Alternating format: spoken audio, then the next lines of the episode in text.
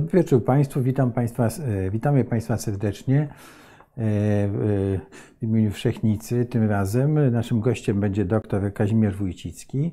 A proszę Państwa, e, tytułem wstępu chciałbym przypomnieć, że w roku 2019 Parlament Europejski przyjął rezolucję z okazji tam 80. rocznicy wybuchu II wojny światowej i w tej rezolucji Przypomniano e, oczywiście, kto jest winien e, wybuchowi Niemiec, ale przypomniano też pakt e, niemiecko-sowiecki, tak zwany pakt Ribbentrop-Mołotow. I potępiono ten akt. No i wówczas Władimir Putin wygłosił swoją własną wersję historii, obwinił Polskę za wybuch II wojny światowej, a pakt Ribbentrop-Mołotow nazwał paktem obronnym. A niedawno prezydent Federacji Rosyjskiej znowu powrócił w roli historyka i tym razem e, twierdzi, że Ukraina jest sztucznym tworem stworzonym przez Lenina, a Ukraińcy to po prostu Rosjanie, Rosjanie, którzy zostali ogłupieni przez służby Zachodu, przekupieni i temu podobne bzdury.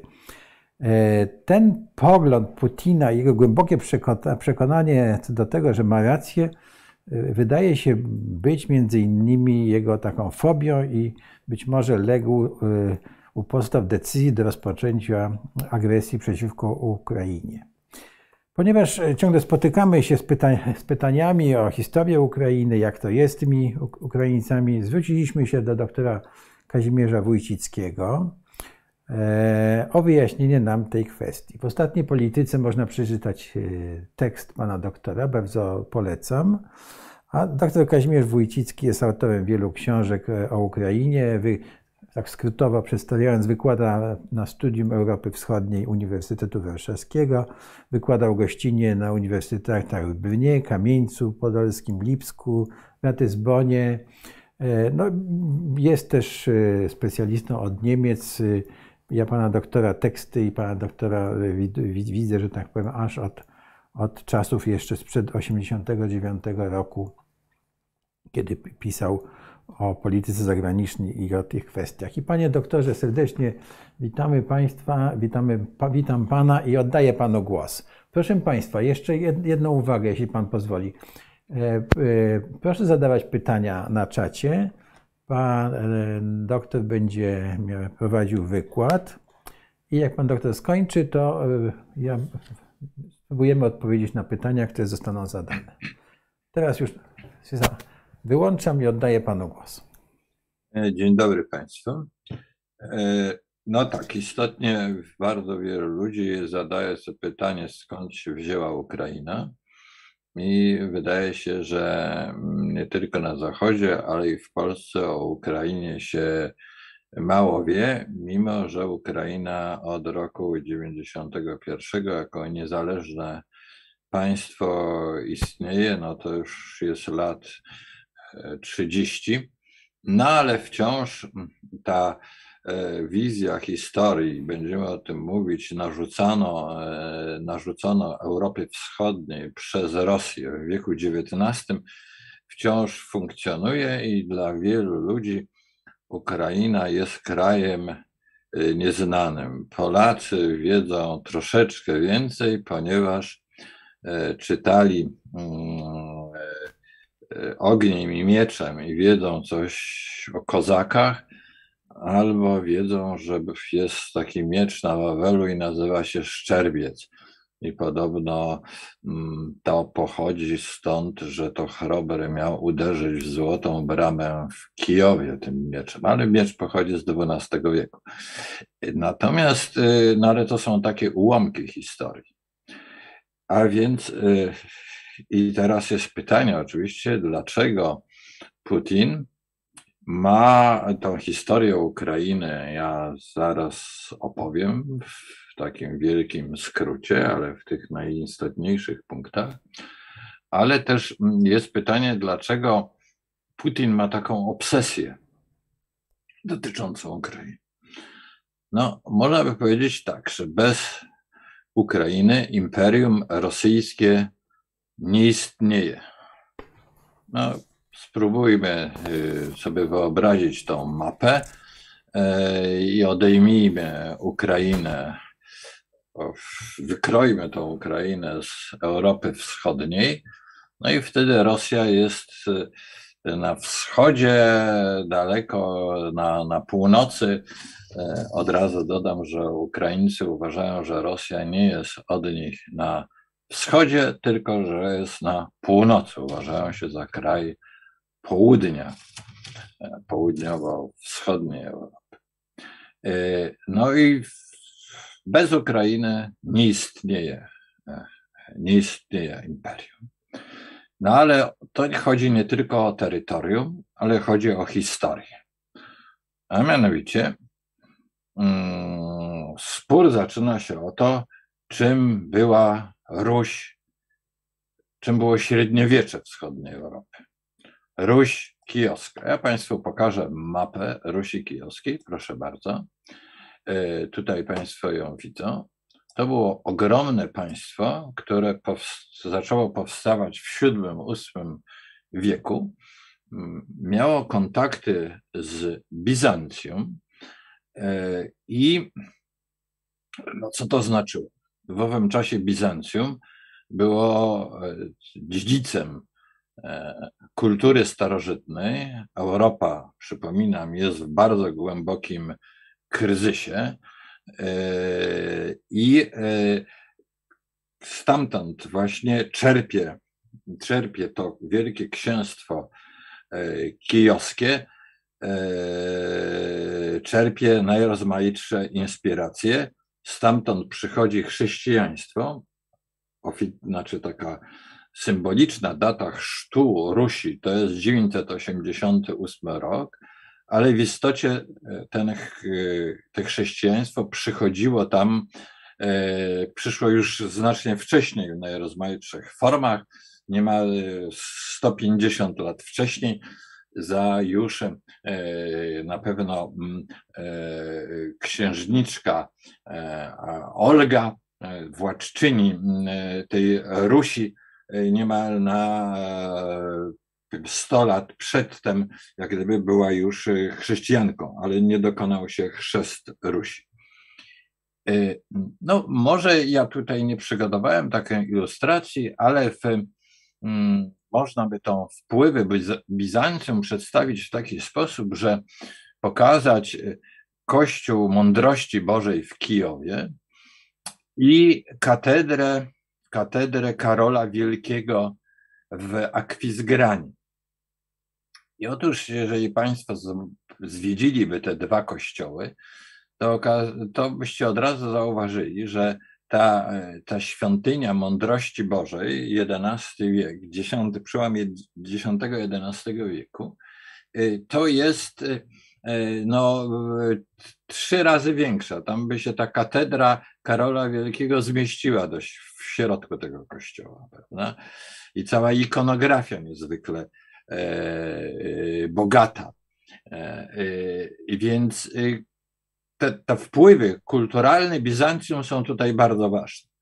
I również mm, piśmiennictwo tej, tego wczesnego średniowiecza.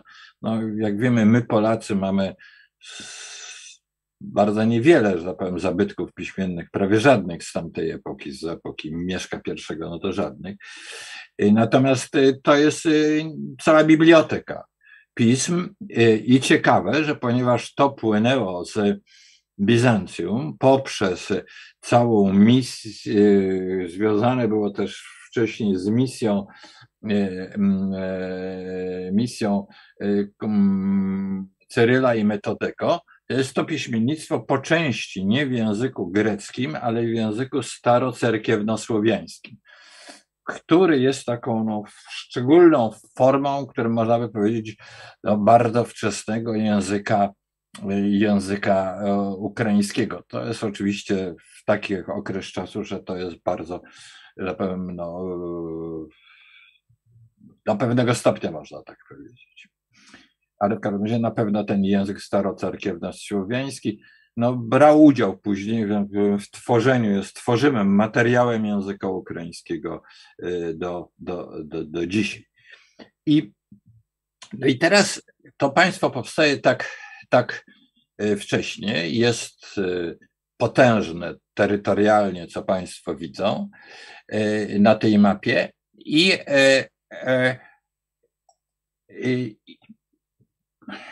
a Moskwa powstaje jako twór dopiero w tysiąc, połowie XII wieku, 1145 czy 8 są pierwsze wzmianki o Moskwie. E, e, kto mm, w XIX wieku odgrywało, że powiem, e, dużą rolę. Jaką? A mianowicie to jest czas nowoczesnych ruchów narodotwórczych. Przypominam, no, pojęcie narodu możemy oczywiście ciągnąć daleko w przeszłość, ale narody w nowoczesnym tego słowa znaczeniu, to znaczy, że wszyscy z danego obszaru o podobnym języku i tak dalej są równymi ludźmi i tworzą naród, to takie nowoczesne pojęcie narodu, to jest wiek XIX. I we wszystkich krajach e, europejskich. E, to jest to wyobrażenie nowoczesnego narodu to jest produkt rewolucji francuskiej i też pewnych wyobrażeń o etniczności i tak dalej, stworzonych przez niemieckiego filozofa Herdera. I, e, I teraz w wieku XIX, w wyniku też procesów industrializacji i tak dalej, powstają nowoczesne narody. I te nowoczesne narody piszą sobie historię, e, która e, ta historia ma sięgać możliwie głęboko w przeszłość, prawda? I, mm, I tak czynią Francuzi, Niemcy, Polacy i Rosjanie. I Ukraińcy. No, tylko że e, w przypadku rosyjskim mm, stolica Moskwy, e, kraju jest w Moskwie, ta historia zaczyna się dosyć późno i dopiero właściwie w XIII-XIV wieku można mówić o jakiejś takiej no, e, państwowości rosyjskiej, e, jeszcze nie rosyjskiej, prawda, ale moskiewskiej. E, no a to nie jest dobrze. No, chciałoby się, żeby to było wcześniej. W związku z czym historycy rosyjscy, takie jak Karamzin czy Katkow e, sięgają po Ruś Kijowską jako początek państwa rosyjskiego. Nazywają to nawet, właśnie tak jak ja powiedziałem, Ruś Kijowska. No bo Ruś Kijowska, to ciekawe, to jest nazwa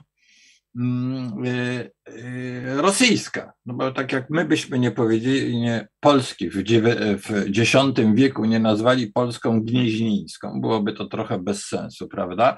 Czy później Polską krakowską, e, tylko Polską. Ukraińcy o, o tym Wielkim Księstwie Kijowskim mówią Księstwo, Wielkie Księstwo Kijowskie, a y, y, y, związane, że powiem, a nie Ruś, a nie Ruś Kijowska. No. Więc oni uczynili jak gdyby z Rusi Kijowskiej swój początek własnego państwa. No, w tym jakiś był cień e, prawdy historycznej, ale tylko cień.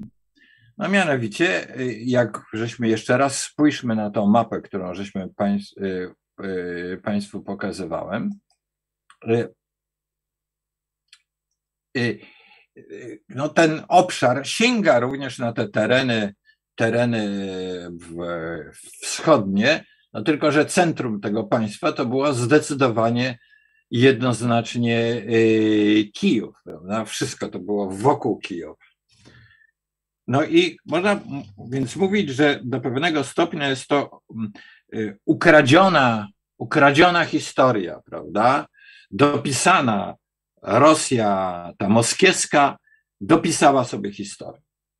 No ale y, to jest coś więcej, ponieważ mamy tu słowo Ruś, które jest terminem e, trzy litery, a termin bardzo skomplikowany. W tej chwili toczy się walka o wykreślenie w restauracjach ruskie pierogi, e, bo wszyscy rozumieją, że ruskie pierogi to są rosyjskie pierogi. Tylko można by równie dobrze powiedzieć, że mm, ruskie pierogi to są ukraińskie pierogi. Y, ponieważ słowo Ruś poprzez podobieństwo do słowa Rosja jest brane za, że to jest coś rosyjskiego. Natomiast y, to, ten sam termin oznacza po prostu, e, oznacza, pochodzi od nazwy na, dla wikingów. E, no i e, Ruś to jest ta ogromny, ten ogromny teren w średniowieczu i mało tego, e, jest Wielka Ruś i Mała Ruś. W XIX wieku przez Wielką Ruś rozumiano Rosję, a Mała Ruś to miała być właśnie Ukraina i taka mniej ważna. Taki młodszy brat, bo jeszcze jest Białaruś, prawda? Białoruś.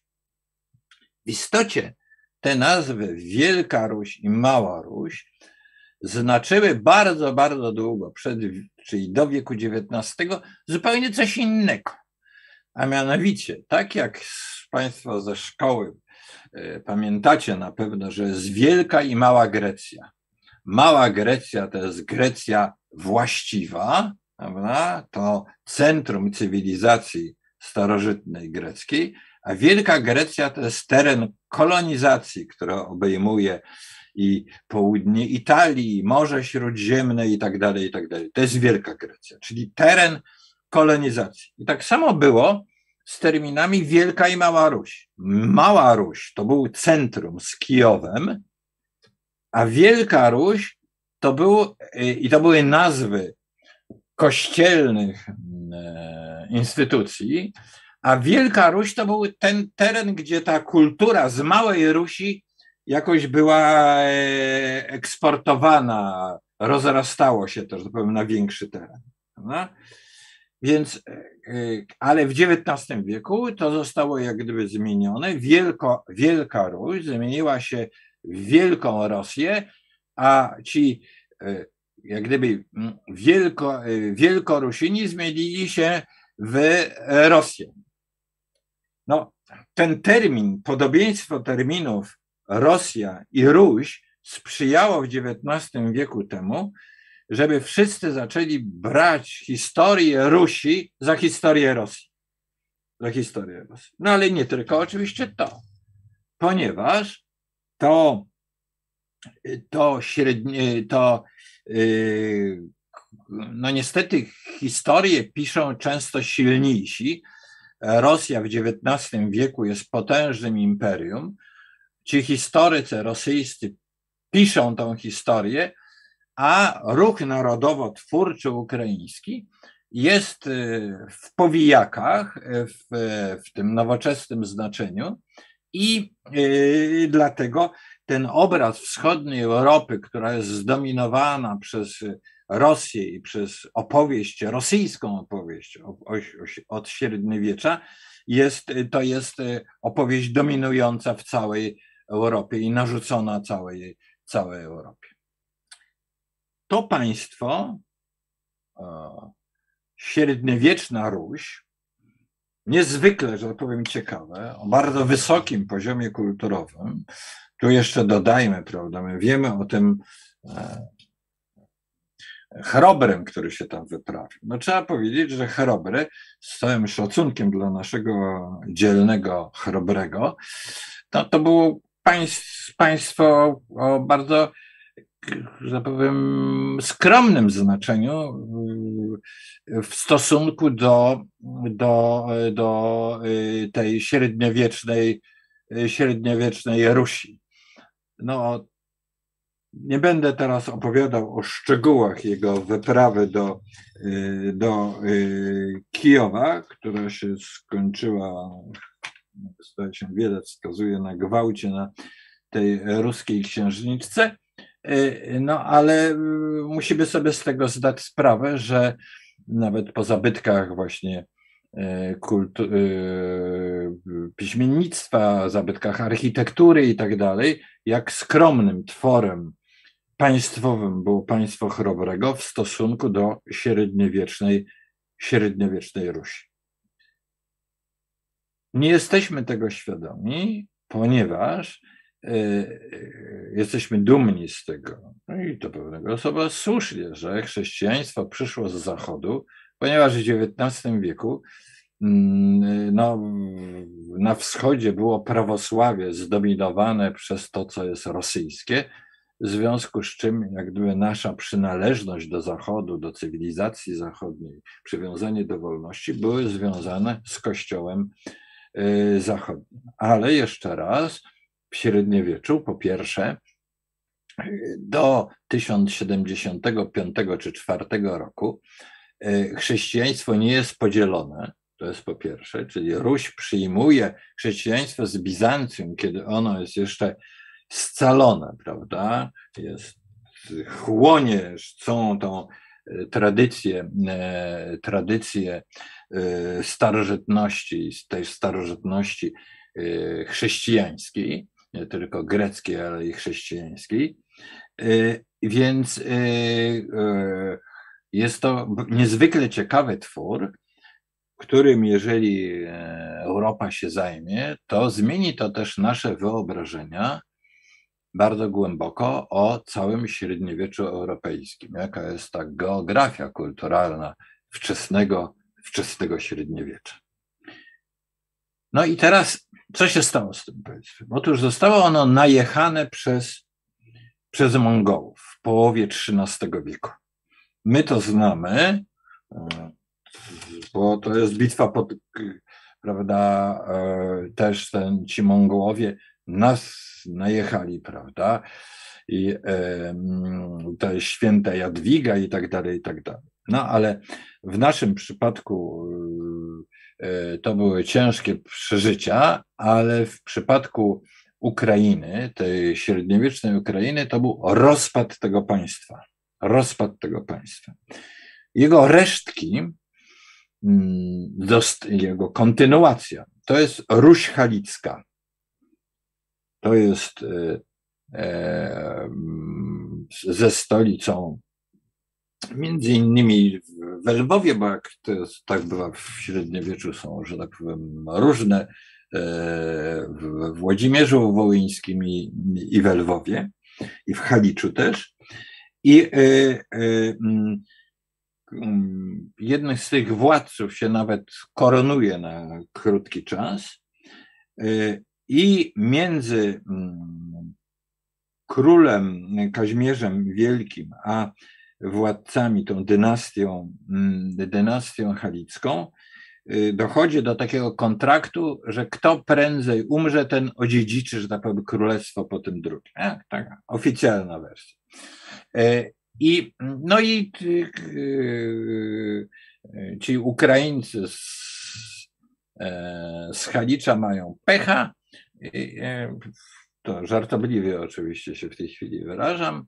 I mm, jak wiemy, mm, Kazimierz Wielki rozszerza własne królestwo takim językiem daleko na, daleko na południowy wschód, prawda? Y, no to jest pierwsze takie rozszerzenie, prawda, na wschód Królestwa, Królestwa Polskiego. Y, y, a zarazem na wschodzie, tam gdzie były te ogromne terytoria średniowiecznej Rusi, e, na te tereny powoli wypierając resztki tych Tatarów słabnących, którzy się później zamkną na samym południu, będzie to związane z Krymem, wkracza Litwa. Jest taki moment, że ta Litwa jest od morza do morza takim wielkim, wielkim państwem. Jest to państwo bardzo ciekawe, dlatego że władcy litewscy przez długi czas są poganami, ale rządzą państwem, które jest chrześcijańskie, które jest właśnie no, e, prawosławno-ruskie. E, stąd zresztą to jest powód, że e, językiem tego państwa urzędowym jest język ruski, no i ten żywioł ruski ma nad Litwinami ogromną jak gdyby przewagę kulturową. To jest powód, że, mm, że mm, Litwini wybierają w końcu katolicyzm, ponieważ boją się, tak jest przynajmniej jedna z tłumaczeń tej sytuacji, boją się, że się roztopią w żywiole ruskim, w żywiole prawosławnym, to trzeba powiedzieć, bo teraz już jesteśmy po wielkiej schizmie, prawda, między, między kościołami chrześcijańskimi. Krótko, co trzeba tutaj rozumieć? To znaczy, że nie ma państwa ruskiego, prawda, ukraińsko-ruskiego, natomiast ta kultura cały czas tam trwa i tą kulturę podtrzymuje, podtrzymuje prawosławie. Następny yy, etap, jednocześnie południe obecnej Ukrainy i wschód, to są tereny graniczne z E, z Tatarami, z Hanatem krymskim, które i ten teren pogranicza jest zasiedlany przez no, dosyć wojowniczą, jak gdyby, ludność. Ci, którzy uciekają z terenów bardziej, że tak powiem, bezpiecznych i cywilizowanych, są to chłopi, jest to szlachta i tak dalej. I to jest początek, początek y, tego żywiołu etniczno-kulturowego, który się nazywa, y, nazwie kozakami. Sama nazwa jest zresztą pierwotnie turecka, pierwotnie turecka. Y, ten żywioł kozacki jest zresztą etnicznie bardzo, że tak powiem, zróżnicowany. zróżnicowany. I powoli teraz, proszę sobie spojrzeć na, na tą mapę, powoli tam na północy y, y, y, tworzy się państwo, y, y, państwo moskiewskie, które jeszcze nie ma specjalnego znaczenia. Ono zacznie, że tak powiem, dawać znaki dopiero wtedy, kiedy się wyzwoli spod e, niewoli niewoli e, mongolskiej czy tatarskiej, jak, jak chcemy, no ale to będzie dopiero ta początki kariery tego, tego państwa, to jest wiek, e, wiek e, tak naprawdę XV. To jest wiek XV. Następna faza, którą należy wziąć pod uwagę, to jest Unia Lubelska, o czym żeśmy się wszyscy uczyli w szkole, prawda? Połowa, druga połowa, początek drugiej połowy XVI y, wieku. E, I e, ta Unia mm, e, Lubelska, no to jest rozszerzenie Królestwa Polskiego takim wielkim jęzorem na południowy wschód. W krótkim czasie w krótkim czasie duża część szlachty mm, ruskiej spolonizowała się. To związane było z ich interesami majątkowymi i tak dalej, i tak dalej. No, na przykład no, y, y, twórcą, twórcą siczy kozackiej był, był ojciec, ojciec Wiśniowieckiego, no, nie, dziadek Wiśniowieckiego, no, i tak dalej, i tak dalej. Czyli wiele rodów arystokratycznych, które później uchodzą za polskie, to są rody pierwotnie ruskie. To rozszerzenie korony e, ja celowo mówię nie państwa polskiego, tylko korony, jako pewnej konstrukcji prawnej i tak dalej, no ale oczywiście korony polskiej. Ma swoje bardzo daleko idące konsekwencje, ponieważ w tym państwie połowa wszystkich wiernych to są prawosławni.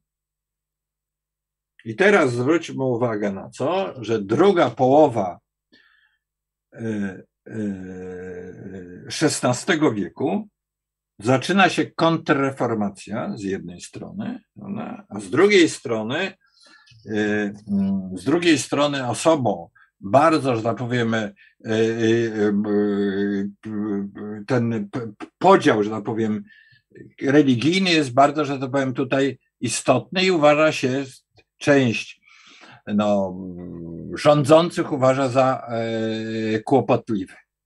To doprowadza do Unii Brzeskiej pod sam koniec, koniec XVI e, e, wieku, 1598. I przeciwnikiem tej Unii Brzeskiej, czyli przejście, przejście prawosławnych podporządkowanie się Rzymowi i stworzenie tego, co my nazywamy greko-katolikami y, do dzisiaj, temu sprzeciwiają się część wielkich rodów ruskich, takich jak Ostrogski, z tą akademią i tak dalej ostrogską, no a po drugiej stronie mamy kogoś takiego jak Piotra y, Skargę. Ta Unia nie jest specjalnie udana, ponieważ część, y, część y, y, tego ogromnego obszaru nie chce przejść ludności na, na ten porządek rzymski. Przez 30 lat trwają, usiłuje się, że tak powiem, to wymusić. To są prześladowania, że tak powiem, prawosławnych, nie jakieś krwawe, ale jednak też z krwawe, krwawymi ofiarami po obu stronach i tak dalej, ale to nie jest jakaś wojna religijna, ale jednak bardzo duże napięcie, które w końcu kończy się pewnymi ustępstwami o, w roku 1630. To jest też okres, kiedy zaczyna działać Akademia Mochylańska. Twórcą tego jest arystokrata duchowny Mochyła, który y, i ta uczelnia jest na bardzo wysokim poziomie. Wykłada się tam po łacinie, greku, po polsku i w tym starocerkiewno-słowiańskim. Na bardzo wysokim y, poziomie jest ta akademia. Ona jest na, do pewnego stopnia, Akademia Krakowska wchodzi już w okres kryzysu, do pewnego stopnia na wyższym poziomie niż Akademia Krakowska.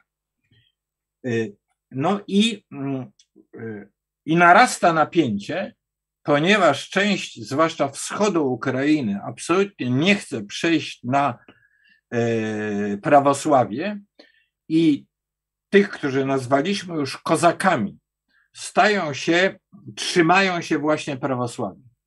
To, to napięcie i nieumiejętność e, dawnej Rzeczpospolitej, jak gdyby zrozumienia tego procesu społeczno-kulturowego, który się tam dokonuje, e, przyjęcia dostatecznie dużej ilości kozaków do rodzin herbowych i tak dalej, to, bo to była zasada zjednoczenia e, z, z Litwą, to doprowadza do, do powstania, które się nazywa powstaniem Chmielnickiego. Chcę powiedzieć, że Chmielnicki nie był takim wataszką, jak to jest przedstawione w, e, w trylogii, to był wybitny dowódca, który studiował we Francji, najmował się we Francji jako, jako, e, jako, e, jako taki najmita, więc zawodowy wojskowy. I kozacy już byli znani z, powiem, ze sztuki wojennej, która polegała na obronie w taborze, a nie wcale z konnicy, prawda? Obronie w taborze. Ale to pominimy te szczegóły. Krótko, ale wiemy, czy było powstanie Chmielnickiego. Ono w pewnym, w pewnym momencie powołało pierwsze państwo, y, y, y, państwo kozackie. I e, tutaj Państwo macie takie, tą mapę tego państwa kozackiego, które się nazywa Hetmanatem. Ono przeżywało burzliwą historię, ale mm, zlikwidowane zostaje dopiero przez Katarzynę Wielką w tym, w tym samym momencie, w którym dokonuje się pierwszy rozbiór, pierwszy rozbiór Polski. E, a więc w 1770 drugim roku w, tej, w, tym, w tym odcinku czasowym. E, e, kozacy, jak wiemy, no, wskutek umowy pieresławskiej no, w pewien sposób podporządkowali się Moskwie, chociaż Chmielnicki najprawdopodobniej nie miał tego świadomości, ponieważ ta, ten hetmanat uważał się za kulturowo wyżej stojący od, od Moskwy. Ta Akademia Mochylańska odgrywała ogromną rolę i z czasem, kiedy będą nastąpią reformy Piotra Wielkiego i jego, że tak powiem, próba reformy tego bardzo tradycyjnego i prymitywnego prawosławia rosyjskiego wcześniejszego, posłuży się on właśnie tym zasobem kulturowym, naukowym czy teologicznym e, Akademii, Akademii Mohylańskiej. Dotychczas Ukraińcy mają poczucie, znając własną historię, kulturowej, historycznej przewagi nad Rosją. No, w przypadku skrajnym już, kiedy chcą Rosjanom dokuczyć, to mówią, że oni są po prostu Eskimosami, których oni wychowali. O. Ale, e, no ale tutaj oczywiście są bardzo skomplikowane zależności. No i wkraczamy teraz z powrotem, jesteśmy, ten hetmanat ma bardzo ciekawy okres, nie tylko Chmielnickiego, Chmielnickiego, który Ukraińcy umiarkowanie czczą z uwagi na to właśnie, na tą, ten błąd, jakim była, w cudzysłowie, jakim była y, umowa pieresławska, natomiast, y, y, natomiast bardzo sobie cenią Iwana Mazepę, to jest okres rozwoju kultury ukraińskiej, e, tak zwanego baroku w architekturze, baroku kozackiego i tak dalej, i tak dalej. On, Mazepa usiłuje wyzwolić się z wpływów rosyjskich poprzez sojusz z młodym królem szwedzkim Karolem XII. Jeżeli Państwo spojrzą na mapę Ukrainy, no to on stara się, że tak powiem, tutaj uporządkować e, stosunki z Osmanami i, i ze Szwecją. No niestety kończy się to źle, ponieważ bitwa pod Połtawą jest klęską Karola XII i klęską samego Mazepy. Kończy się to jego ucieczką, ale napisaniem też wspaniałego zabytku kulturowego, jakim jest konstytucja e, Ukrainy na wzór jak gdyby wolności szlacheckich y, Polski. Y, wspaniały zabytek piśmienniczy i kulturowy. I, I tak wkraczamy w wiek XIX. Wiek XIX to jest industrializacja, modyfikacja wszystkiego. Kijów staje się jednym z największych, najważniejszych, bo Petersburga i Moskwy miast imperium, ale zaczyna się ruch narodotwórczy. On mm, y, rozpoczyna się od y, y, okolic Charkowa. Dzisiejszy język ukraiński to jest język, który jest na wzór jak gdyby dialektu tamtego, tamtego regionu. Tak jak w przypadku niemieckim, no, dialekt z okolic Hanoweru, wcześniejszy dialog jest wzorcem Hochdeutsch, języka dzisiejszego języka literackiego y, niemieckiego. Tak samo, tak samo y, w, w przypadku ukraińskim jest to właśnie y, okolice Charkowa. Wielkim twórcą, jak gdyby tej pierwszej wersji historii ukraińskiej Y, tej, że powiem, nowoczesnej jest paru historyków, ale zatrzymajmy się przy Szewczence. Jest to niezwykła postać, jest to człowiek, który był chłopem pańszczyźnianym, ale proszę zwrócić uwagę, piśmienny, bo był kozakiem. No. No. I y, zostaje wyzwolony. Jego twórczość to jest przejście do nowoczesnego języka ukraińskiego, ponieważ on łączy język, którym posługiwano się w Ukrainie tacy filozofowie tamtego okresu ukraińscy, jak Skoworoda i tak dalej, posługiwali się takim językiem, który był językiem jeszcze opartym w dużym stopniu na starocerkiewno-słowiańskim, a on łączy dialekt ludowy z tym bardziej zaawansowaną formą języka. To jest wielka, że tak powiem, no i to już jest nowoczesny język e, ukraiński. I teraz e, jednocześnie on jest wielbicielem kozaczyzny, zabytków e, pozostałych właśnie po tym okresie Mazepy i tak dalej. On jest też rysownikiem, a więc takim skrzyżowaniem, można powiedzieć, Micki, naszego Mickiewicza z Grodgerem. I dzięki temu no, nadaje temu y, jego nieprawdopodobnie wspaniały wysiłek, taki kulturowy, twórczy, nadaje też wielką dynamikę temu ruchowi. No oczywiście on jest znacznie szerszy. To jest bractwo Cyryla i Metodego w Kijowie, które z czasem zostaje y, zamknięte, prześladowane i on y, idzie na zasłanie, nigdy się nie, nie, nie poddaje i staje się no, symbolem niezależnej Ukrainy. Ale teraz Ukraińcy, y, Rosjanie spostrzegają siłę tego ruchu, zakazują pisania, y, drukowania w języku ukraińskim, ale przecież Ukraina jest podzielona. Bo część Ukrainy jest w granicach Cesarstwa Habsburskiego. A tam Habsburgowie popierają Ukraińców. Częściowo dzięki przeciw Polakom, no bo to jest cały ten obszar też Galicji.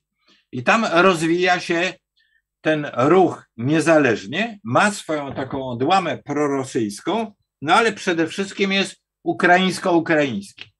Dzięki czemu te wysiłki rosyjskie zduszenia, zduszenia ruchu ukraińskiego, narodowego są nieskuteczne.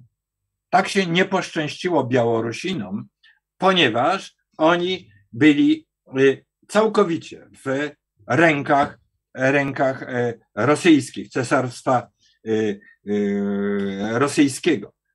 Ten ruch narodowo-twórczy białoruski rozwinął się z tego powodu znacznie później, dopiero nabrał takiego silniejszego kolorytu w, pod koniec XIX wieku.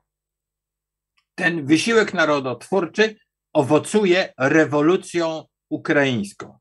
Ja celowo mówię rewolucja ukraińska, ponieważ to jest wykorzystanie tego momentu, w którym wybucha rewolucja lutowa w Rosji przed rewolucją październikową i Ukraińcy zaczynają tworzyć własne państwo. Te państwo, y, tutaj Państwu pokażę z, e, e,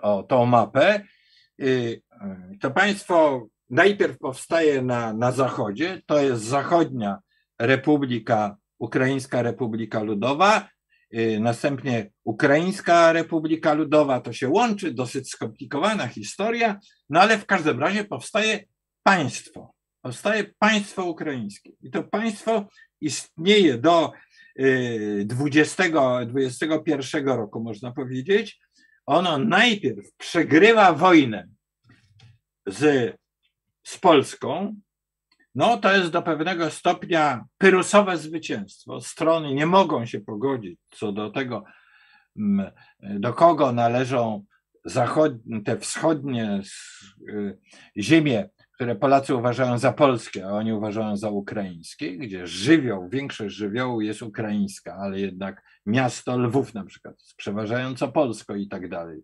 Tarnopol. Y, Polacy wygrywają tą wojnę, ale wygrywają tą wojnę niszcząc armię ukraińską i potem to jest powód, że ta Re Ukraińska Republika Ludowa już zawierając na koniec e, sojusz z Piłsudskim, sojusz Petlura, no jest zbyt słaba, żeby się obronić przed bolszewikami. Bolszewicy, żeby wygrać wojnę z białymi, tą wojnę domową, zmuszeni byli dawać y, skolonizowanym ludom, narodom, etniom y, na terenie y, imperium wolności. Obie, obiecywały niezależność, własną szkołę i tak dalej, i tak dalej. Tak się dzieje na Ukrainie. I okres, ten okres 21, no to bo to jest już pokój ryski, prawda? Powstaje Ukraińska Republika yy, Sowiecka i ten lata 20 to jest okres rozkwitu ukraińskiej kultury, samodzielności i tak dalej. I z tym kończy Stalin. E, z tym kończy Stalin. Między od 27 roku zaczyna zaciskać pasa. Kończy się to genocidem, jakim jest wielki głód. To jest od 5 do 7 milionów ludzi. E, ten genocid to jest teren właśnie przede wszystkim e, Ukrainy Słobockiej, czyli której, jak gdyby można powiedzieć, stolicą jest, jest Charków i wymordowaniem około ponad 50% inteligencji ukraińskiej. 70% Związku Literatów na przykład ukraińskich zostało rozstrzelanych. Y, większość z nich zginęła w rocznicę, będąc już w obozach, w rocznicę rewolucji październikowej w 1937 roku. Tak Stalin wyobrażał sobie, zaprojektował obchody rewolucji październikowej. W 1935 roku Stalin z Charkowa przenosi stolicę tej sowieckiej republiki do, do Kijowa. Jakby już nie mając obawy, bo Kijów początkowo straszy Rosjan tym, że był stolicą tego państwa ukraińskiego niezależnego. Teraz Stalin już będąc pewny, że właściwie to że ma w ręku Ukraińców, przynosi tam stolicę i to ciekawe, żebyśmy to, jakie są tu meandry, że pomnik e, Chmielnickiego, który miał być zniszczony, z powrotem się go przywraca. Początkowo w historiografii tej sowieckiej Chmielnicki jest polskim okropnym szlachcicem, a teraz nagle, że tak powiem, przypominają sobie o, o Y, Pierysławskiej tej um, ugodzie czy umowie i y, Chmielnicki jest przywódcą ludowym, który masy y, ludowe chłopskie, ukraińskie związał z, z, z Rosją. Więc to, to i również Stalin wprowadza Ukrainę do ONZ-u bo w 1945 roku, kiedy powstaje ONZ, no bo to jest przydatne. Wprowadza Białoruś jako niezależne, jako rzekomo niezależne państwa i Ukrainę. No, jaki to jest efekt tego? Efekt tego jest taki, że Ukraina zachowuje pewne zewnętrzne takie przejawy niezależnego państwa. Flagę ma sowiecką, ale jednak własną. Hymn sowiecki, ale jednak własny. W szkołach coraz mniej uczy się ukraińskiego, ale jednak powszechnie się go uczy. Y, jakoś pisze się historię Ukrainy na sowiecki absolutnie sposób, ale jednak się pisze jako coś osobnego. Y, Stalin umiera w 1953 roku. W 1956 roku Chruszczow wygłasza swoją słynną mowę, i następuje okres tak zwanej odwilży, czyli jak gdyby no, w cudzysłowie liberalizacji tego systemu komunistycznego. Y, y, ówczesny sekretarz Szelest jest no jak gdyby takim e, na wzór komunistyczny liberałem. Jest to okres, w którym jest więcej wolności i Ukraińcy od razu przystępują do kulturowej ofensywy. Kończy się to w połowie lat 60. Duża część idzie z nich do łagrów, y, za, bo są dysydentami już w ramach ustroju komunistycznego.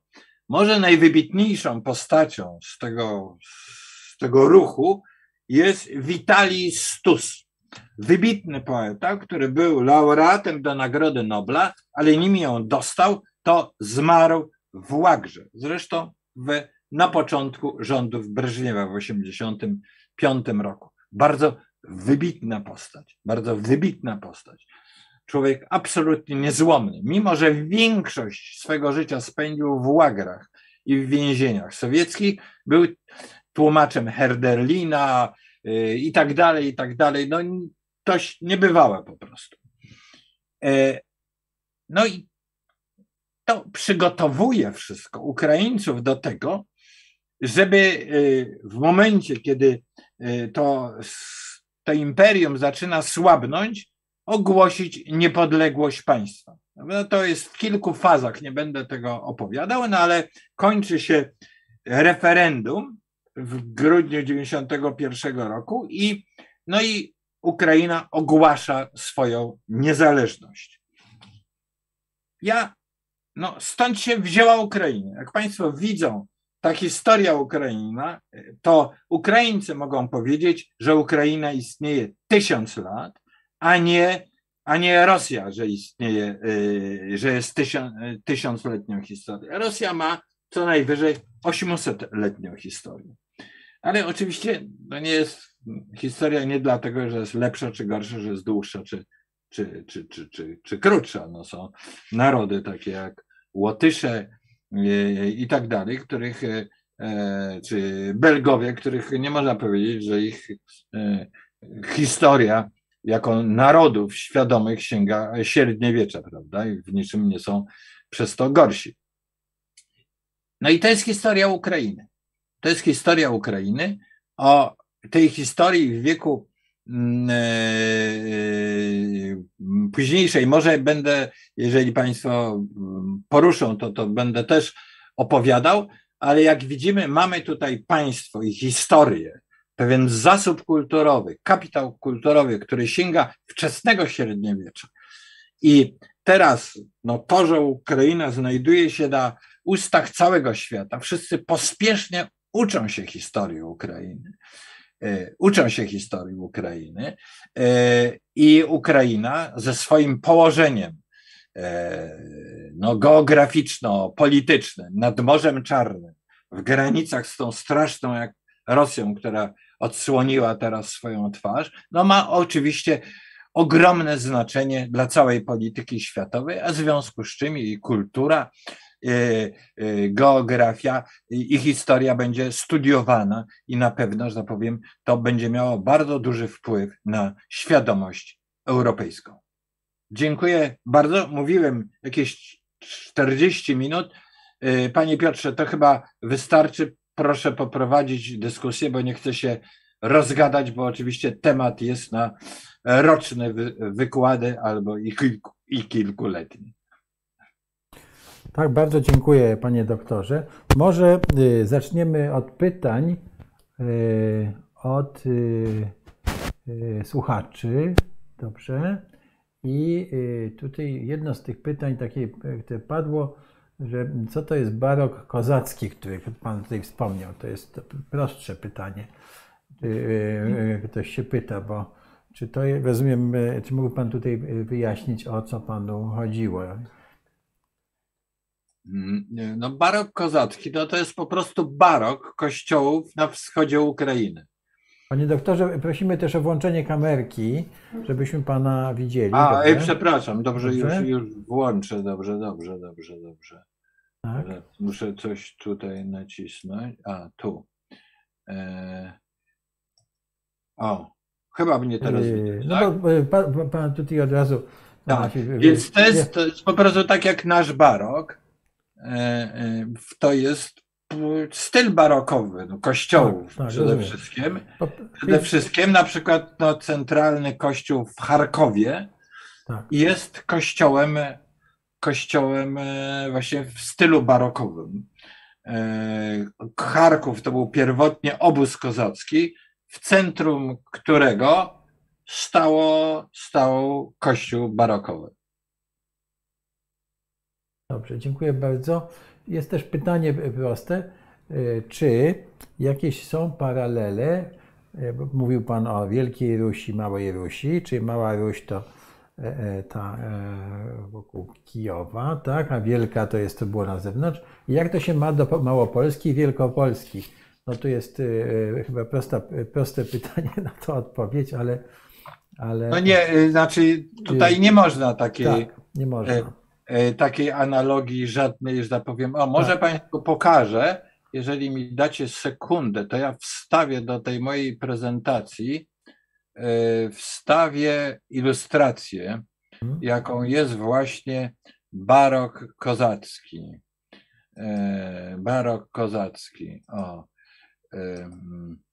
Rozumiem, że to jest barok, który jest jakoś szczególnie przy, przyozdobiony, znaczy, czy takich szczególnych kształtów. No, jak patrzymy no, na te, pan, na... Znaczy ja bym powiedział, jeżeli ktoś się nie zna na architekturze tak jak ja, tak. To, yy, to po prostu ma ogólne wykształcenie i rozpoznaje, rozróżnia barok od klasycyzmu czy od gotyku, tak. to powie, że to jest barok. Tak, jasne, oczywiście. Ale być może tam, e, ja też słyszałem ten termin i myślę, że to są jakieś po prostu takie może troszkę takich właśnie bizantyjskich dodanych. Nie, nie, nie, nie, nie. Właśnie tak? o to chodzi, że nie. Tak. Cesarstwo rosyjskie wprowadziło styl, że tak powiem, no, który y, bizantyjski i to, y, i to ten y, styl, czy wszystko z moim obrazem jest? Coś się zepsuło z moim. Tak, tak. Albo coś łącze nam się chyba zawiesiło, więc albo poprosimy pana o jeszcze raz przyładowanie, a my poczekamy.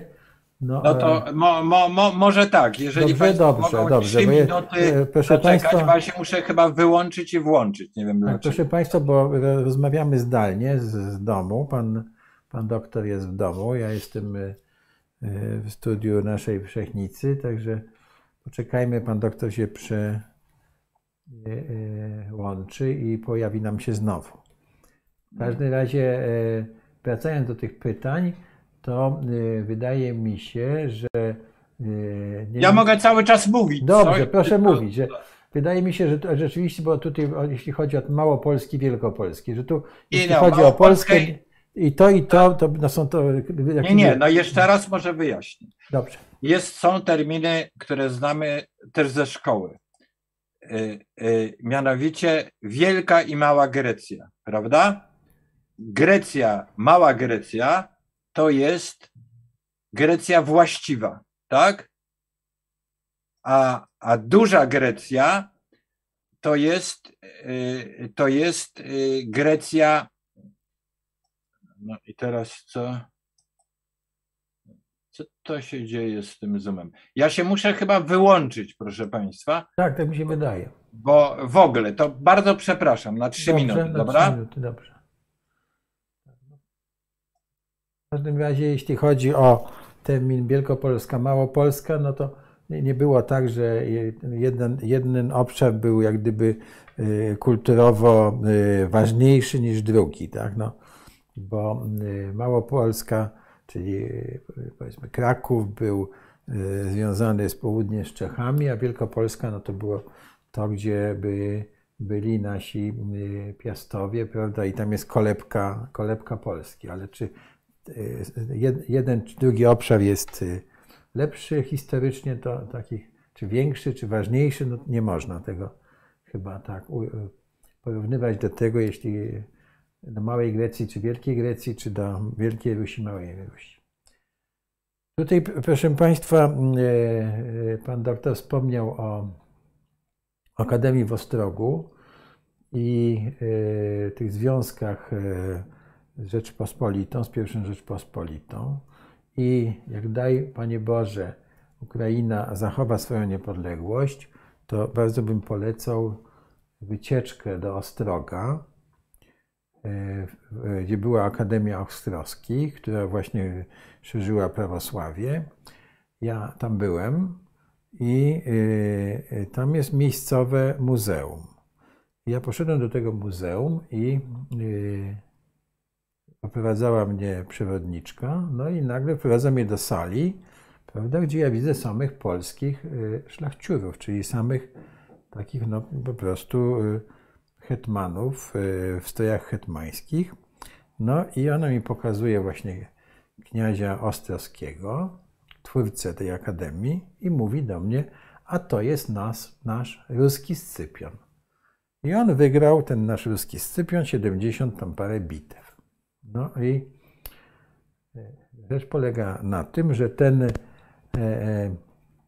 Okstrowski te bitwy wygrał dla Rzeczpospolitej, bo on był hetmanem Rzeczpospolitej. Między innymi bitwa pod Orszą, taka słynna, tak? obraz na desce E, słynna bitwa, która była wykorzystywana przez Polskę w takiej propagandzie przeciwko Moskwie, no to właśnie był między innymi hetman Okstrowski. E, ale e, on był też senatorem w Rzeczpospolitej, mimo tego, że był prawosławny i tak dalej. Więc te, te związki z tym Ukrainą są naprawdę bardzo bardzo takie ścisłe i no, może być tak, że my powiemy, że Ochstrowski był wielkim wodzem Rzeczpospolitej, a nie, nie możemy Ukraińcom odmówić, prawda, że to był ich ruski Scypion, no bo rzeczywiście był ich. Tutaj y, pana doktora pewnie chciałbym zapytać jeszcze, widzę państwa pytanie, e, pytania, zaraz pana doktora wróci, to je zadamy.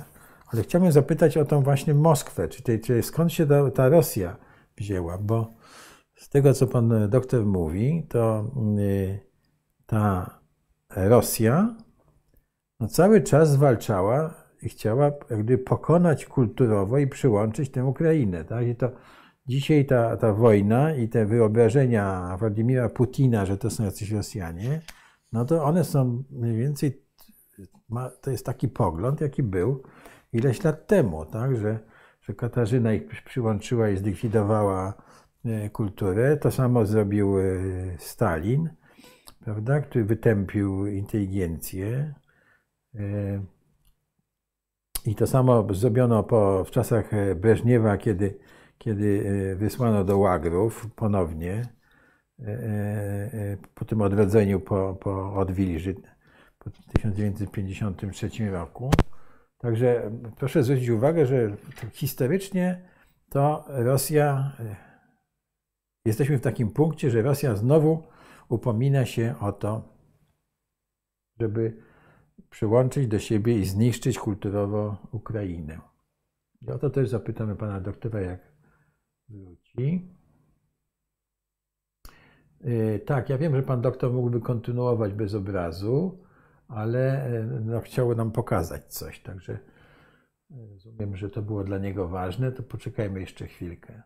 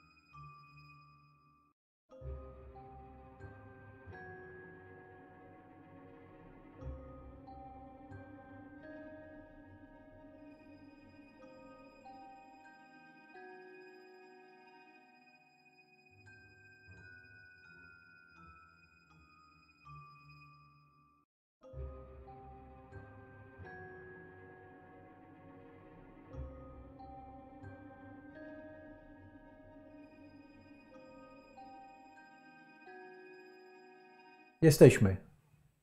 Dobrze, tak. witamy pana doktora z powrotem.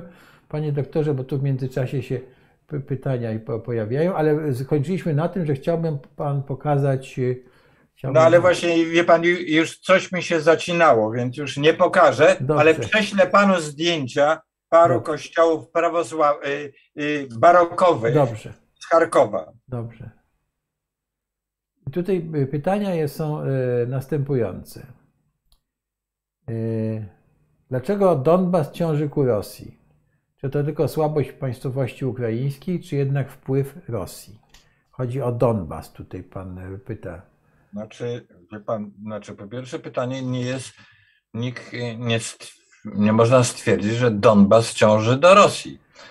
Ja byłem we, e, wykładowcą w mhm. Uniwersytecie w Donbasie, przed oczywiście tym całym tym i przeżyłem taką przygodę, że pojechałem tam z moimi kolegami, którzy mi powiedzieli, ale wiesz Kazik, tam to bądź ostrożny, bo to jest wschód Ukrainy, wobec czego możesz mówić pozytywnie o Unii Europejskiej, ale w żadnym wypadku, bardzo cię proszę, nie mów o NATO. No to, to, to już jest ten. No to ja tak to zagajałem taką dyskusję i tak dalej, i tak się zachowałem.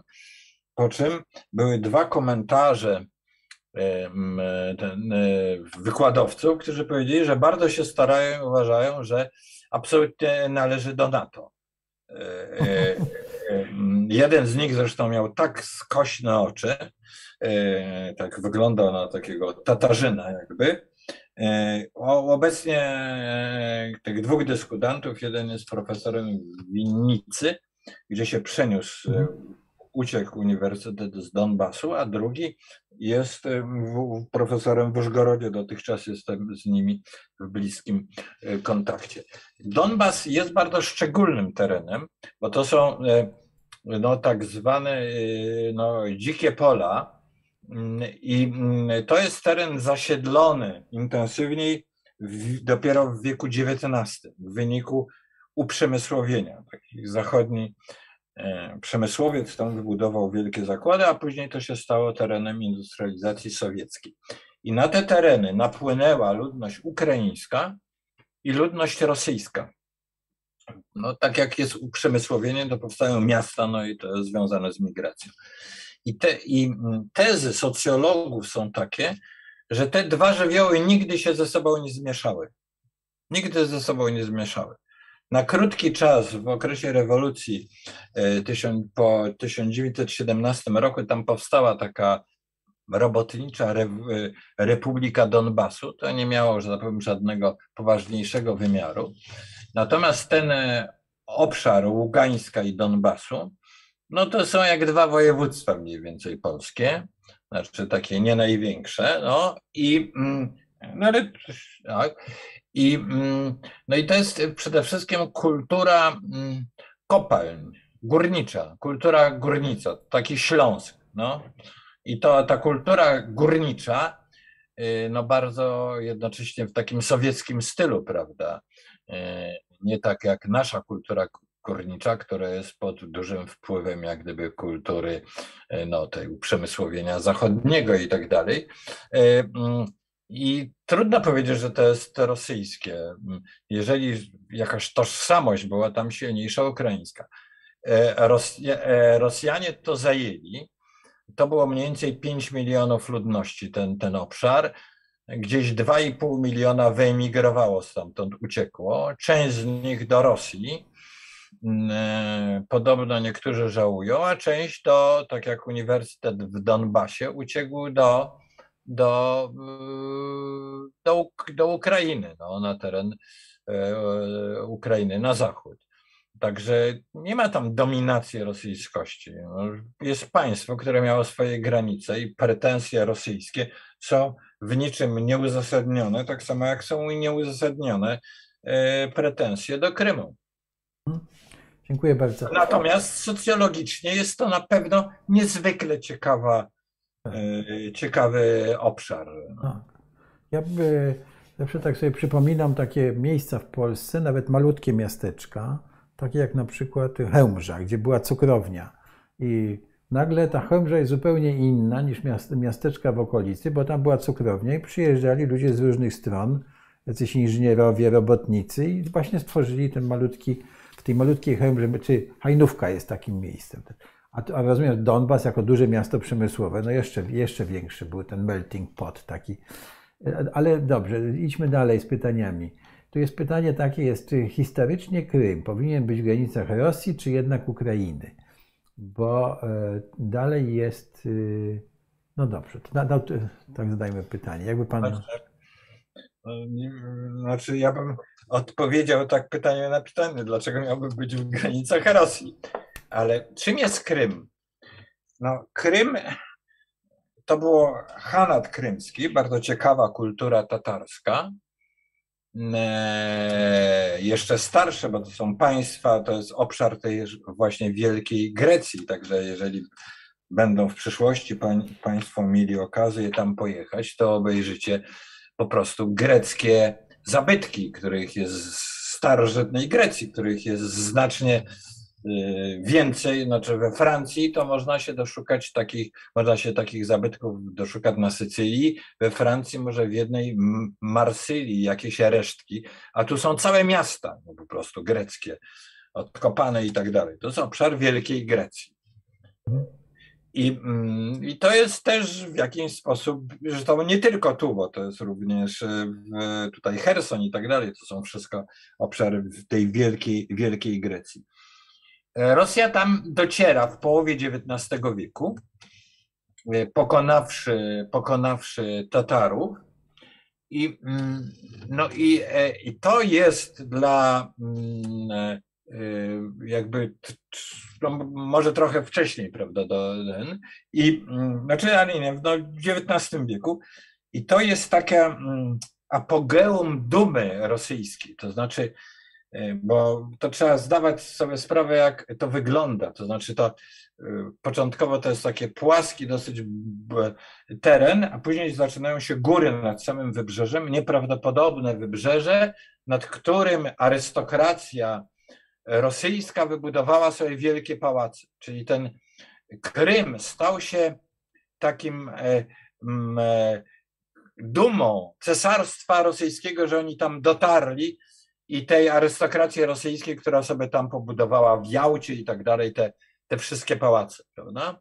Taka legenda. No, e, tam zawsze jest silny żywioł był tatarski, zasiedlał to żywioł ukraiński rosyjski później. E, I teraz, e, no, e, jak gdyby ta pretensja rosyjska budowana jest przez to, no, to geograficznie widzimy, że to jest absolutnie, no, jak gdyby przynależy do Ukrainy. No, no, no, Rosja z tym nie ma żadnego styku, teren, teren Rosji. Natomiast no, bierze się to stąd, że to był teren, jak gdyby z, jak gdyby sowiecki, odłączony od tej Republiki Sowieckiej i ofiarował to Chruszczow. Dlaczego on to ofiarował? Są różne teorie. Jedne takie, że miał, ponieważ był pierwszym sekretarzem w okresie wielkiej, wielkiej czystki głodu, to, y, to miało wyrzuty wobec Ukraińców. To wydaje się, że to jest y, wymyślone. Natomiast po prostu był to teren bardzo trudny. Wtedy nie było turystyki. To, to, to, to było biedactwo. Także do, dołączenie tego do Republiki Sowieckiej było dla, dla tej Republiki Sowieckiej raczej obciążeniem gospodarczym niż jakąś zdobyczą. No i to y, jakby te, te parcie, na, parcie na Krem to jest, par, to jest taka odnowa nie tyle świadomości sowieckiej, co świadomości carskiej, bo zwróćmy uwagę, że w tym, co mówi y, Putin, jest takie elementy postkomunizmu, ale w pewnym sensie słabnące na rzecz y, takich imperializmu, takiego szowinistycznego, imperializmu odwołującego się do Rosji carskiej. I tam już w tej mowie, której on z takim zadowoleniem mówił, on mówił, że, ten, że to wszystko było w Chersoniu, prawda, że oni powracają tam, gdzie był chrzest Rusi. No to jest bzdura w ogóle. To, to że mm, chrzest Rusi dokonał się w Chersoniu, no to można różne rzeczy, że to powiem, mówić, ale e, tu jest ta mieszanina no, takich kłamstw, naciągań historycznych, po prostu no, z brutalną interwencją, no bo to jest, e, Krym jest bardzo ważny nad, żeby, że tak powiem, w jakiś sposób panować, czy też konkurować na terenie Morza Czarnego, prawda, z krajami już NATO, takimi jak Bułgaria i Rumunia, czy krajem NATO, jakim jest Turcja. No. Mhm. Dobra, dziękuję bardzo. Tu A jest... tych sam Krym, no nie należy nigdy zapominać, że obecny skład Krymu wiąże się z, z wysiedleniem Tatarów, którzy byli tam dominującą ludnością w czasie, w czasie wojny. No, jacyś niesamowicie tragiczna historia tych ludzi, a, a był, że powiem, miał pełną autonomię w wolnej Ukrainie i ci Ukraińcy, i ci Rosjanie, którzy tam byli, że powiem, dominowali w tym parlamencie, wcale się nie chcieli odłączać. Żaden ten parlament, że powiem, y, tego autonomicznego nie zagłosował za tym. Ja zresztą w tym parlamencie parlamencie, że tak powiem, e, tej autonomii krymskiej byłem i rozmawiałem też z Medlisem, czyli z tymi Tatarami i tak dalej. Więc e, tam przed, przed tą inwazją, aneksją rosyjską nie było żadnych tendencji, żeby się od Ukrainy odłączać. Ja mogę przypomnieć tylko, że wymienialiśmy młodzież z Ukrainą i Częścią tej wymiany byli młodzi Tatarzy krymscy, którzy przyjechali do nas. E, I to było niezwykle ciekawe doświadczenie, dlatego że przyjechali bardzo e, nowocześni, wykształceni młodzi ludzie, tacy 18-19-latkowie. Przyjechali dziewczyny i przyjechały, przyjechali chłopcy. No, e, I przy tej swojej nowoczesności oni bardzo byli tacy przestrzegający reguł islamu. No i był taki problem, prawda, że e, jak to zrobić, żeby e, oni nie spali pod jednym dachem z tymi dziewczynami. Tak? I żeśmy wymyślili tak, że po prostu na, nad jedną częścią, gdzie mieszkali chłopcy, daliśmy dodatkowe prześcieradło jako taki dach, tak? I żeśmy takich od, od, od, oddzielili. No nieważne, w każdym razie tak się zastanawiam, co się z nimi teraz dzieje i, i po prostu jest mi strasznie e, przykro i, i martwię się o nich, bo oni chyba zostali poddani jakiś, e, po tym, po tym e, przyłączeniu Krymu w 2014 roku poddani represjom strasznym ci Tatarzy po, ponownie, prawda? No niestety tak. Jeszcze tu pada pytanie od Pani, kim byli stare Rusini? Czy spotkał się Pan z takim terminem Staro-Rusini? Czy, to, y, czy tu nie chodzi o tych starych Rusin? No nie wiem, no w każdym razie jest pytanie, to nie wiem, czy jesteśmy w stanie... Znaczy, szczerze mówiąc, obawiam się, że to jest jakiś trochę, mm, gdyby Pani zdołała nakierować na ten tak, termin. Tak, tak, bo... Staro, staro Rusini, nie wiem, co to miało oznaczać, czy to właśnie tych Rusinów ze średniowiecza, Y, a czy pani nie chodzi o starowierów? Może, może pani chodzi o starowierów raczej. No to, Staro, starowierzy to są ci, którzy nie uznali reform y, Kościoła prawosławnego w, y, w okresie mhm. rządów Piotra Wielkiego i trzymali się, że tak powiem, tego dawnego prawosławia. No i to jest rodzaj takiej sekty, która ma mhm. różne odłamy, aż po takie radykalne sekty jak skopcy i tak dalej. No, I oni są rozrzuceni po, całej, e, po całym obszarze e, no, byłego, byłego imperium. A czy u nas e, też mieszkają chyba?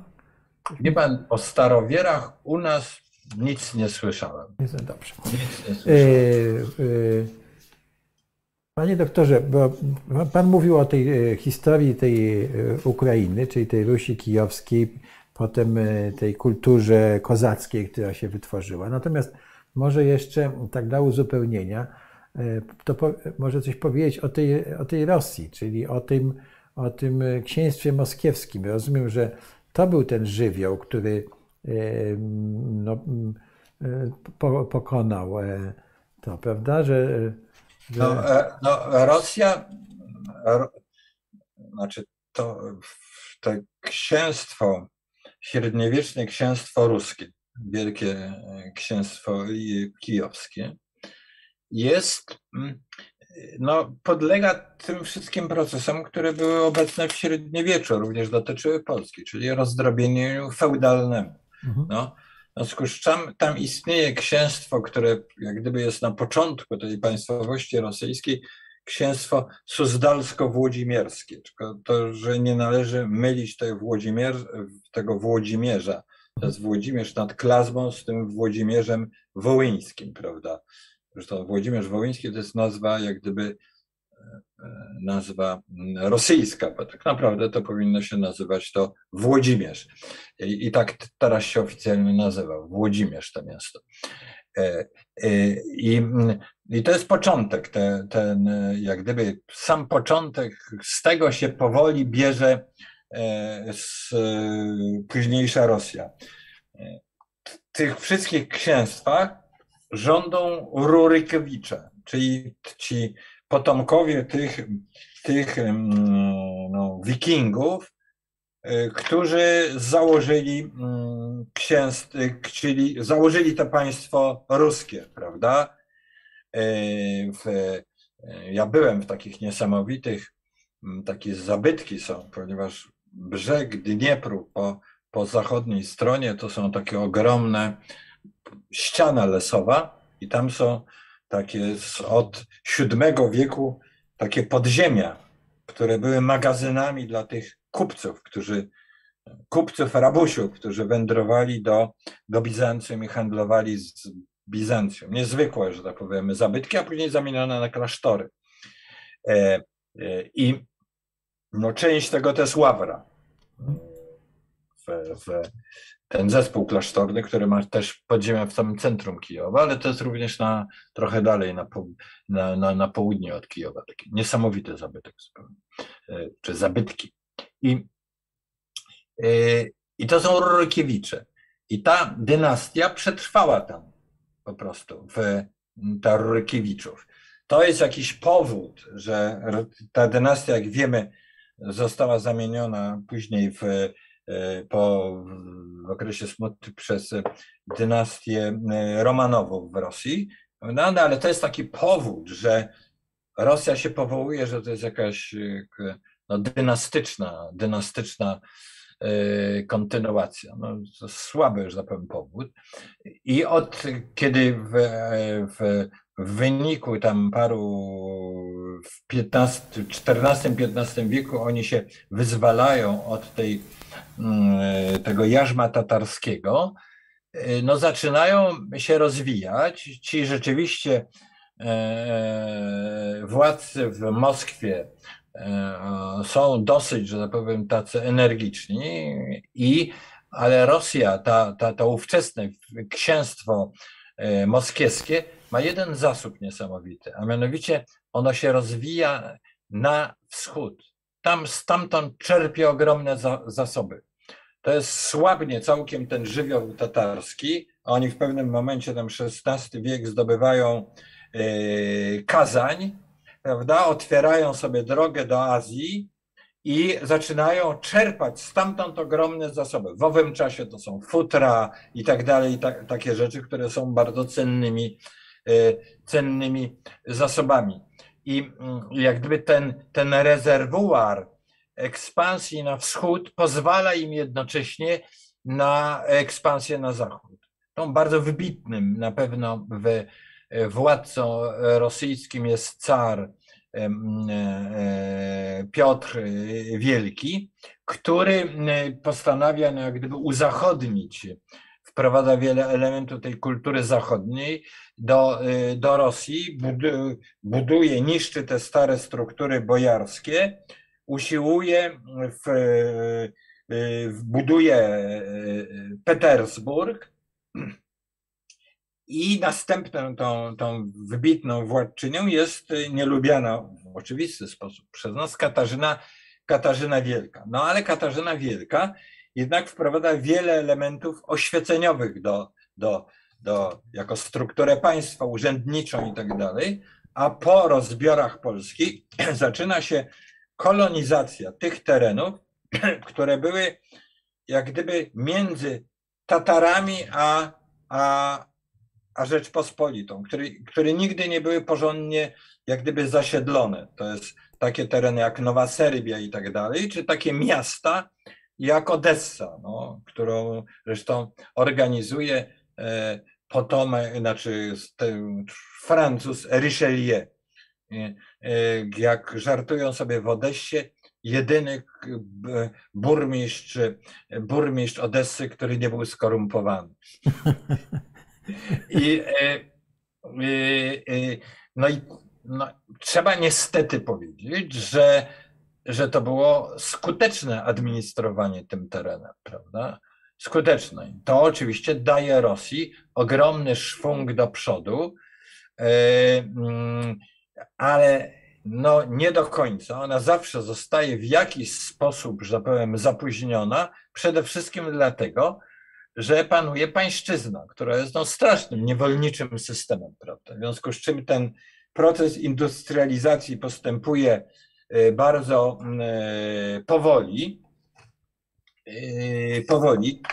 To, to jest typowe, to jest ziemiaństwo, wielkie ziemiaństwo rosyjskie, które z jednej strony no, może sobie pozwolić na wyrafinowaną kulturę, operę i tak dalej, ale z drugiej strony podlega carowi i ma takie no, niewolnicze nawyki, bo, że powiem, Rosja dokonuje początkowo, jak państwo feudalne jest wielonarodowa, jeśli chodzi o odgóry, prawda? Uniwersytet, urzędnik y, mówi po, mm, y, po niemiecku, ale dwór mówi po francusku y, i dopiero reformę Uwarowa w 1830 roku mniej więcej zresztą Niemca, protestanta notabene, ale tworzą to, że tak koncepcję samodzierżawia języka rosyjskiego i od tego czasu zaczyna się jak gdyby e, dzieje rosyjskojęzycznego e, uniwersytetu. Pierwszy uniwersytet w Dorpacie na przykład rosyjski był niemiecko, był niemiecko języczny, prawda? Takim stąd na przykład wielkość Puszkina dla dla Rosjan, bo to jest pierwszy, że tak powiem, objaw takiego nowoczesnego języka literackiego, e, literackiego rosyjskiego. Puszkin, taki fenomen, prawda, mhm. E, bardzo ważny. Zresztą z, z pochodzenia e, czarny. No. Co to znaczy, co, co, co znaczy czarny? Co znaczy czarny? Znaczy, bo, bo, bo to był no, no, czy mówiąc niepoprawnie, murzyn, który był sprowadzony na dwór, bo wtedy wcześniej jego dziadek i, i on był potomkiem tego, tego sprowadzonego na dwór carski murzyna. No. Mhm, rozumiem. Więc, e, e, mm, więc e, e, i teraz i teraz no, ta Rosja przeżywa szereg jak gdyby powstanie 1825 y, roku, prawda? To mm, załamuje pewne próby reform Aleksandra I, prawda, który był stosunkowo propolski i tak dalej. Y, I, i ta Rosja się nie, for, nie reformuje. No i konsekwencji jak gdyby dochodzi do tej rewolucji, rewolucji październikowej. No w międzyczasie przegrywa wojnę e, krymską w połowie XIX wieku, przegrywa wojnę z Japonią, co powoduje rewolucję 1905 roku, przeżywa okres e, dosyć intensywnych reform po 1905 roku, które są tak płyn, znaczy wpłyną falami, później są wyhamowywane. Reformę rolną, która jest, znaczy zniesienie wcześniej już w, w XIX wieku, 1860 coś, e, zniesienie pańszczyzny, ale nieudane, ponieważ tym chłopom nie nadaje się ziemi, w związku z czym to stwarza ogromne napięcie, e, narastające napięcie społeczne, aczkolwiek ułatwia, mm, ułatwia industrializację. No i ten system się całkowicie załamuje w 1917 roku wskutek przy, przegranej wojny. I w tej przegranej, i właściwie Rosja się wtedy rozpada na, na takie samodzielne cząstki. I bolszewicy są w stanie to, e, z, powiem, zjednoczyć. Dlaczego są? Ponieważ te elity które marzą o rozpadzie Rosji, są bardzo silnie lewicowe, utopijnie często komunistyczne, ponieważ cała dyskusja na temat, która się toczy wewnątrz tego imperium, dotyczy tego, czy dotyczy się między co znamy z Polski też, czy żądać niepodległości, czy żądać reform społecznych. Jak gdyby ta część bardziej nastawiona no, lewicowo mówi, jeżeli zażądamy reform społecznych, to nie będzie problemu że tak powiem, wolności w tym imperium, prawda? To w naturalny sposób reformy społeczne dadzą wszystkim wolność i tak dalej, prawda? No, napięcie zresztą, które znamy, e, jeśli chodzi o Piłsudskiego. Piłsudski zaczyna od socjalizmu, prawda? A później i no i to jest, e, to jest historia, historia Rosji. I teraz przychodzi okres komunizmu, gdzie najpierw się wyciera wszystko to carskie, a później się zaczyna to powoli przewracać tą myśl imperialną. Prawda? Y, przychodzi rozpad Związku Radzieckiego w, w 1991 roku. Początkowo y, ta Rosja moskiewska mm, y, tak jak gdyby jest postsowiecka, ale z czasem Putin stawia na prawicę, prawda? No stąd miłość z Le Pen, i tak dalej, prawda? Mówi, że Europa jest dekadencka, lewicowa i tak dalej i stawia na takie bardzo konserwatywne czy ultrakonserwatywne e, e, elementy. E, na to stawia Putin, jak gdyby zwraca się, że powiem, do przeszłości Rosji carskiej. Tutaj pada prośba o wyjaśnienie słowa geno, genos, genocidę. Czyli e, to jest genocide, czyli po prostu rozumiem, no że zagłada. No, no, to ludobójstwo, no, ludobójstwo. ludobójstwo. Tak, tak ludobójstwo, rozumiem, że chodzi o teraz czystki, wielki głód i na Ukrainie. No tak, to jest wszystko tam, gdzie ludobójstwo, definicja ludobójstwa pochodzi z okresu II wojny światowej i ona, to ludobójstwo to jest no, masowe morderstwa dokonywane jak gdyby na zasadzie, że to jest państwowa działalność, prawda? Mhm. Że to państwo dokonuje, nie, mhm. czyli jakieś nawet jakieś, no, to co było w Ugandzie czy coś, do, znaczy, no tylko metaforycznie kiedy jest ludobójstwo, chociaż te słowo się, no ponieważ jest straszne w samym swoim e, jak gdyby wymowie, no więc używa się go powszechnie. No ale to jest to, co dokonuje państwo. W związku z czym na przykład to, co się dzisiaj dzieje w Ukrainie, no to jest ludobójstwo, no. prawda? Bo to są działania wojenne państwa rosyjskiego skierowane przeciwko ludności cywilnej.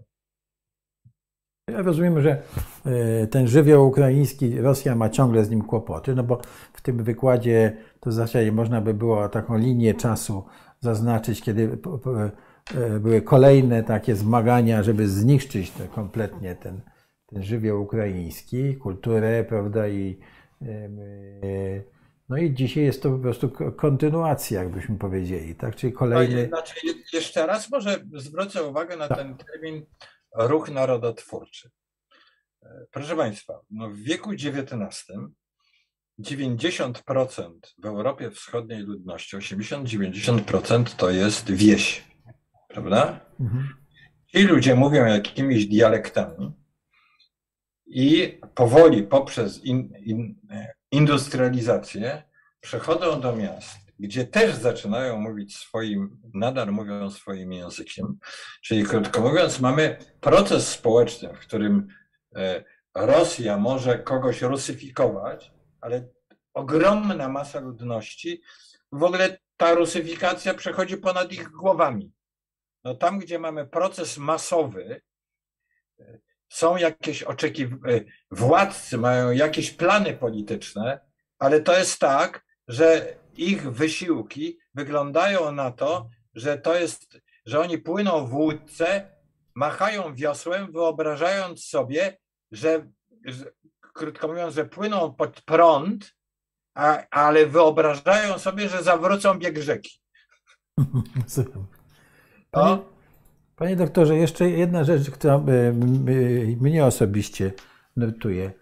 E, no, przecież jeszcze kilka lat temu e, w wielu miejscach u dzisiejszej Ukrainy ludzie e, deklarowali się, że prawda, są, wolą być z Rosją, prawda, że może jednak te związki z Rosją są dla nich ważniejsze. A dzisiaj to wszystko zniknęło. Nagle dzisiaj ci, nawet rosyjskojęzyczni, w tych rosyjskojęzycznych miejscach, ludzie się czują bardzo ścisły związek, e, nawet w tej tragicznej sytuacji, ze swoim państwem. Jak to można wytłumaczyć? Co takiego się dokonało? No, po, pierwsze, po pierwsze, nie jest do końca prawdziwa ta teza, że oni się z Rosją identyfikowali, bo w referendum e, niepodległościowym w roku 91 ogromna większość, ponad 70%, i nie pamiętam dokładnie nazwy, zagłosowała za niezależnością, czy nawet więcej niż 70%, zagłosowała za niezależnością Ukrainy. To jest pierwsza rzecz. Druga rzecz, oczywiście z uwagi na procesy rusyfikacji językowej, no, gdzieś 30% na terenie Ukrainy ludzi mówiło po rosyjsku i to był ich język domowy. Tak, ale bycie rosyjskojęzycznym wcale nie oznaczało no, takim, że ukraińskość była nieobecna. I teraz można by mm, w tej chwili, według Ławrowa nawet, mniejszość rosyjska w Ukrainie to jest 17%. E, to oczywiście przez te 30 lat bardzo się zmieniło. To znaczy, Mm, e, to znaczy język ukraiński dokonał ogromnego postępu, bez żadnej prześladowania języka e, rosyjskiego. To w ogóle niemożliwe w Odessie, no bo to jest w ogromnym stopniu rosyjskojęzyczne miasto, czy Charkow, który się tak niesamowicie broni. No, mogę Państwu opowiedzieć taką anegdotę. No, to, jak to polega? No, ja jestem w Charkowie, byłem tam przez pewien czas, e, tam coś miałem wspólnego z Uniwersytetem w Charkowie, no i z takimi NGO-sami. Stamtąd wyjeżdżałem na front parę razy. No. I, i, e, no i teraz tak. Po pierwsze, oprowadza mnie ktoś po Charkowie. I ja go pytam, zresztą pracownik uniwersytetu. Ja go pytam, no posłuchaj, ale jak ty rozmawiasz w domu? A on mi odpowiada, od dwóch lat w domu rozmawiamy po ukraińsku. To niech Państwo zwrócą uwagę, jak, że to jest pewien wysiłek, żeby przejść w rodzinie na język, zmienić język, prawda? Ale oni dokonali tego wysiłku. I teraz kupuję y, ten, do telefonu coś, jestem w sklepie i i odzywam się po, do dziewczyny, e, do sprzedawczyni, znaczy odzywam się po ukraińsku, a ona do mnie po rosyjsku. Tak sobie rozmawiamy. I ona w pewnym momencie mówi, jak ty e, fajnie mówisz po ukraińsku. E, I mówię, wiesz, ja nie mówię wcale tak dobrze po ukraińsku. No ale wiesz, nie mówię, nie chcę rozmawiać po rosyjsku, bo po rosyjsku to mówię jeszcze gorzej. A ona mówi, nie, ja bym, te było teby tak czudowo, jakby ja ukraińsko mówiła. Mhm. Czyli, może to po rosyjsku powiedział, przepraszam. Tak. Mhm. Czyli wie, wie, pan, no to są takie procesy, które powoli postępują. E, jak ja jeździłem tam pierwsze moje wyjazdy na Ukrainę 10 lat temu, mhm. E, to mm, żeby szuka, szukać książek ukraińskich, to trzeba było w Kijowie, to był taki dział w jakiejś księgarni. Teraz są tam wspaniałe księgarnie, gdzie książki rosyjskiej by trzeba tak szukać w jakichś specjalnych księgarniach czy półkach, bo tak są wspaniałe ukraińskie i, i takie księgarnie sieci jak i i tak dalej. No fantastyczny wybór książek ukraińskich, ogromna ilość tłumaczeń. Więc to jest ogromny wysiłek i, i postęp. Dodatkowo dodam, wracając do tego okresu 20-27 czy 17-27, tych 10 lat, że mm, y, y, oni sięgają do tego okresu, do tych poetów, tej całej twórczości, y, gazet i tak dalej, wszystko to przedrukowują, jak gdyby czerpiąc też z takiego przypomnienia tamtego okresu, jak gdyby kultury, kultury ukraińskiej. Znaczy tych, tych wymordowanych elit wtedy, tak? Znaczy, no później wymordowanych. To się nazywa e, rozstrzelane e, odrodzenie. No. E, Panie doktorze, jeszcze dwie rzeczy i już kończymy. Nie, nie, ja, ja to. Nie, ale bo jeszcze Jest tutaj taki komentarz pana Czarka, który trochę odbiega od naszej, naszego tematu, ale spróbujmy mu odpowiedzieć. Dobrze? E, e, chwileczkę, chwileczkę, bo mi uciekło tutaj.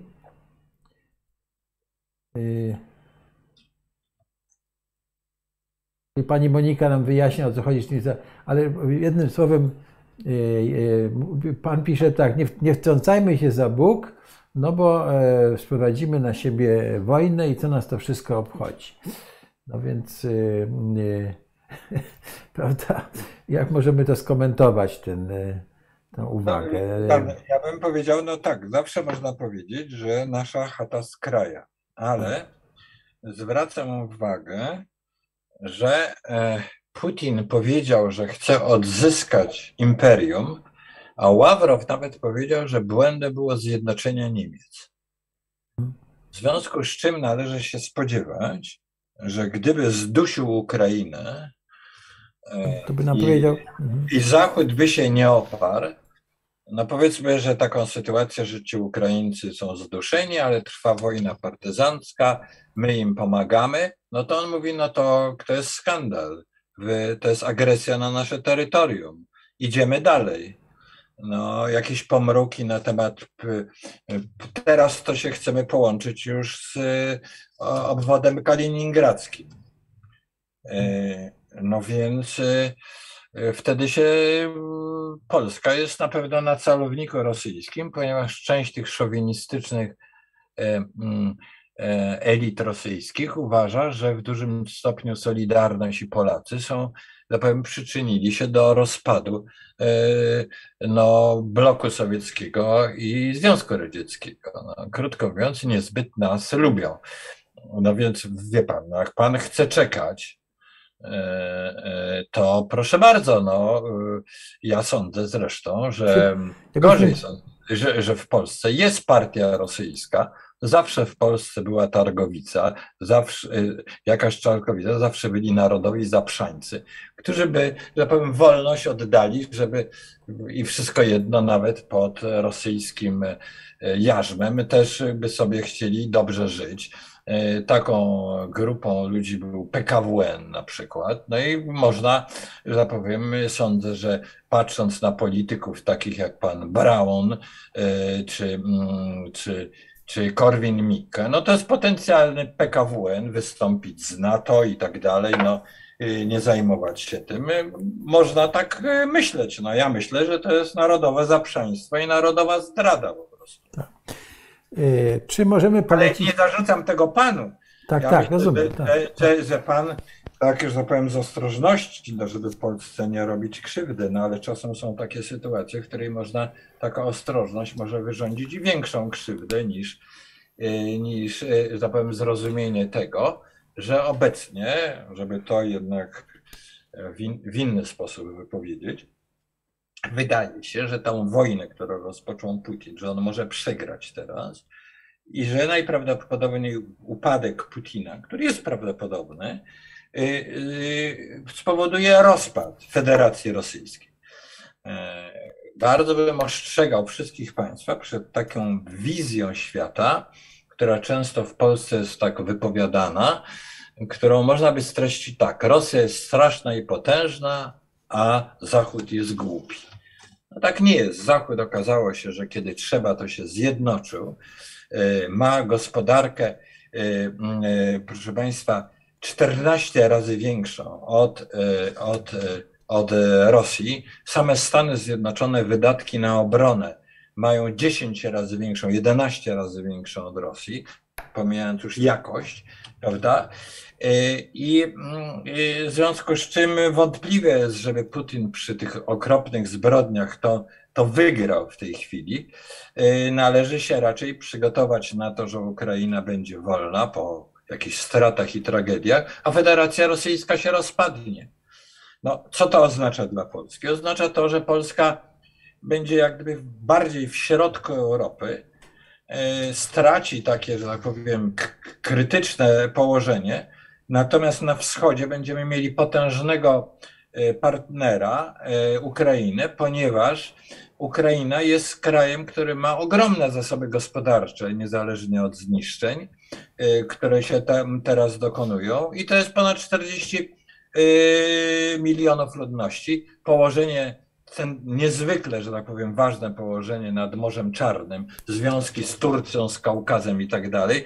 Także Polska będzie taką, no jak gdyby, no, przesadą, Szwajcarią, byśmy byli tak bogaci jak Szwajcaria, prawda? Y, krajem położonym wewnątrz kontynentu y, na, na pewne napięcia te zewnętrzne, krajem granicznym będzie y, Ukraina.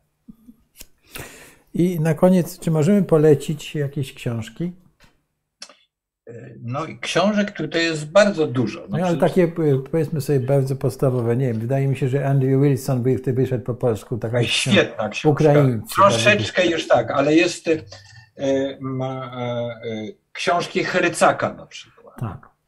Y, książkę, co jeszcze? Zaraz, ja tu patrzę na półkę, przepraszam. Dobrze. Chrycak, pamiętajmy, Andrew Wilson, brytyjski, brytyjski aktor. Oczywiście Oczywiście Płochy. Płochy. Płochy. Wyszedł po polsku? Tak, tak. No tutaj jest zresztą ciekawa rzecz, bo mm, roz, ukraińska historiografia opiera się w dużym stopniu na Harvardzie. Emigranci mm, mhm. y, ukraińscy założyli instytut na Harvardzie i to jest bardzo wysoki poziom historiografii. Więc y, ta y, historia Płochy jest wspaniałym facetem. Teraz ostatnio chyba książka o Jałcie wyszła. No. Mhm. Y, ale ja, przepraszam, zrobię, panie Piotrze, taką autoreklamę. Ja mianowicie napisałem taką książkę. Tak, widziałem ją, krótka historia UPA tak. Polaków. To nie jest książka tylko o UPA. To jest książka o Ukrainie, tylko to był okres, kiedy wykorzystywano, manipulowano tym ter, tematem Wołynia i, i stąd ten tytuł Krótka historia UPA dla Polaków, czy historycy nas pogodzą. Ale ja tam mhm. również zajmuję się tą dawniejszą historią Ukrainy, e, a jednocześnie odnosząc się do tego trudnego tak. tematu Wołynia. Tak, tu, tu jeden z, z, z, z, widzów nam wspomniał jeszcze książkę Anny Applebaum o Wielkim Głodzie, tak. Wielkim Głodzie. Wspaniała, jest, absolutnie, bardzo absolutnie wspaniała, wspaniała i bardzo trudna w lekturze książka z uwagi na temat. No. Tak.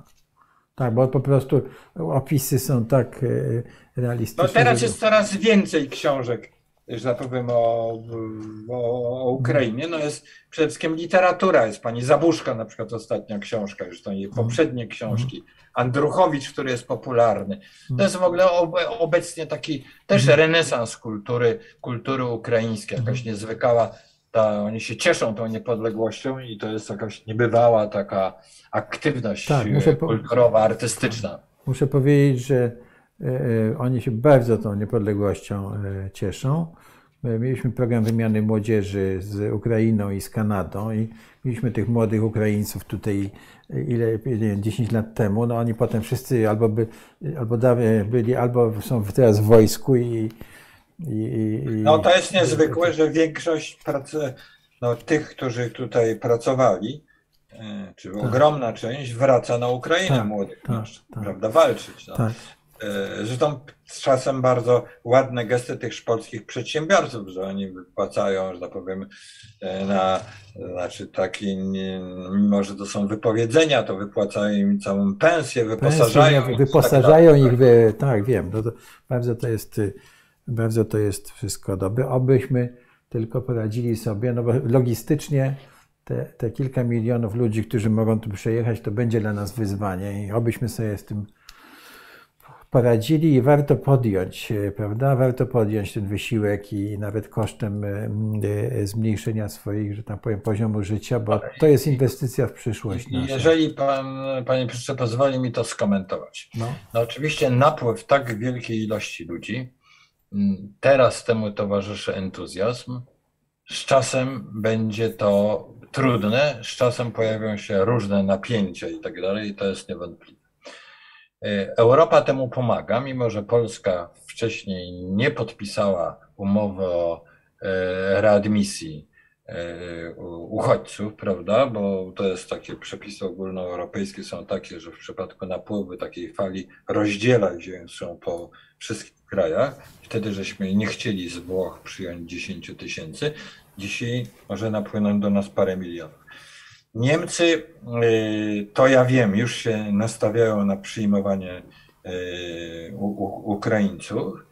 Y, wiedzą o tym, że to może być trudne. Być może to jest w ogóle plan Putina, żeby był taki plan, że on szybko zdobędzie Ukrainę, a ci uchodźcy zdestabilizują jakby zdestabilizują ten kraj frontowy, jakim jest Polska.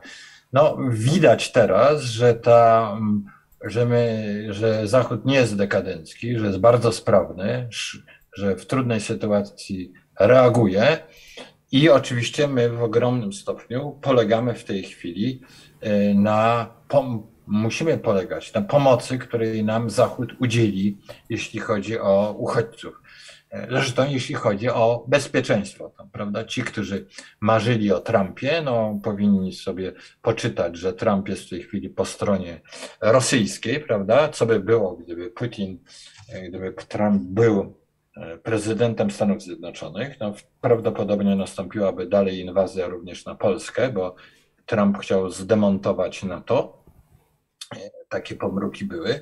Natomiast teraz no, E, Putin jest wyjątkowo nieudolnym politykiem, bo najpierw zjednoczył Ukrainę. Dlaczego tak powiedziałem? Bo gdyby Rosja, weźmy takie założenie, Rosja by się reformowała, demokratyzowała, to po roku 89 Rosja by była atrakcyjna dla Ukrainy. To by, oczywiście cieszyliby się swoją niepodległością, ale wcale by nie nie, nie musieli się od Rosji oddalać, prawda? Tym bardziej, że świat nie widział w ogóle Ukrainy, prawda? By postanowiono na reformy w Rosji. Y, stracił tą Ukrainę całkowicie, prawda? A teraz stracił cał, znaczy Rosja się skompromitowała. Rosja jest wziana tak jak hitlerowskie, jak nazistowskie Niemcy, prawda? I Niemcy, którzy przez długi czas, nie to, że byli prorosyjscy, ale uważali, że polityka niemiecka, co jest rzadko rozumiana, oni nie byli nigdy prorosyjscy, ale uważali, że, powiem, należy ułagodzić Rosję i tak dalej. No całkowicie się odwróciła, prawda? No a to jest kraj o nieprawdopodobnym potencjale. Gospodarka niemiecka jest e, dwa razy większa od rosyjskiej, prawda? E, więc e, to są właściwie gigantyczne porażki Putina, które być może doprowadzą do rozpadu w ogóle federacji. Byłoby to nic dziwnego, bo imperia giną często w wojnie, prawda? I może z perspektywy historycznej to, co się dzisiaj dzieje, to będzie dalsza faza rozpadu e, najpierw e, obozu, że tak powiem, tak zwanego tego sowieckiego, a później Związku Radzieckiego. No w 30, w 30 lat takie e, opóźnienie rozpadu, rozpadu imperium. No, panie doktorze, bardzo e, dziękuję. Tutaj jeszcze jest e, taki komentarz jednego z słuchaczy, czy dwóch, że, że troszkę pan przesadził z tym Trumpem. To znaczy, że, że Trump ze znakiem zapytania prorosyjski. Ja od, od, odsyłam pana, żeby pan poczytał wypowiedzi Donalda Trumpa o tym, że Putin ma rację, prawda, że i tak dalej, i tak dalej. I, to, i, i wtedy będzie pan. Ja, ja czytam bardzo uważnie CNN tak. i, i różne, że tak powiem, inne think tanki czy, czy komentarze amerykańskie. No, uważa się jednoznacznie, że on tak. e, nazwał, nazwał e, Trumpa, e, nazwał Putina genialnym politykiem i tak dalej, i tak dalej. E, no, no, ten komentarz jest w Ameryce w tej chwili dosyć powszechny. Powszechny, no. tak. Znaczy, ja myślę, że tutaj działa taki mechanizm, że zawsze uważano w Polsce republikańskich prezydentów za silniej antyrosyjskich E, a demokratów za bardziej skłonnych do gadania z Rosją. No tak do pewnego stopnia w jakim zakresie było. No, natomiast wraz z Trumpem, który wydaje się coraz bardziej, że był tak. agentem po prostu rosyjskim. No, tak. te, te, to, co wychodzi, jego, jego powiązania z Rosją, tych ludzi, którzy go otaczali, no jest zastraszające. Niewykluczone, że w ogóle to, co robi Putin teraz, to jest takie rozczarowanie, że Trump że Trump przegrał, prawda? Y, Usiłując tłumaczyć postępowanie y, Bidena, no to, y, przepraszam, Putina, no to ja oglądałem bardzo starannie telewizję rosyjską. To jaki był obraz Trumpa, Bidena, jak wygrał? No, że taki staruszek, potyka się tak. i tak dalej. Jak on, jak on ustąpił z, wycofał się z Afganistanu, Mięczak, porażka Ameryki, tak powiem, no okazał się bardzo twardym proces. No, zjednoczył Zachód, co byśmy nie powiedzieli. Co prawda Tak. przypisuje się to e, premierowi Morawieckiemu, ale chyba błędnie. Że co się No, przypisuje? e, pre- że, że to pre- premier Morawiecki zjednoczył za, za Zachód i skłonił Niemcy do zmiany polityki, więc Nie, no, chyba, chyba błędnie, ale już nie komentujmy. Znaczy dosyć powiedziałem, można się tylko zaśmiać. No tak.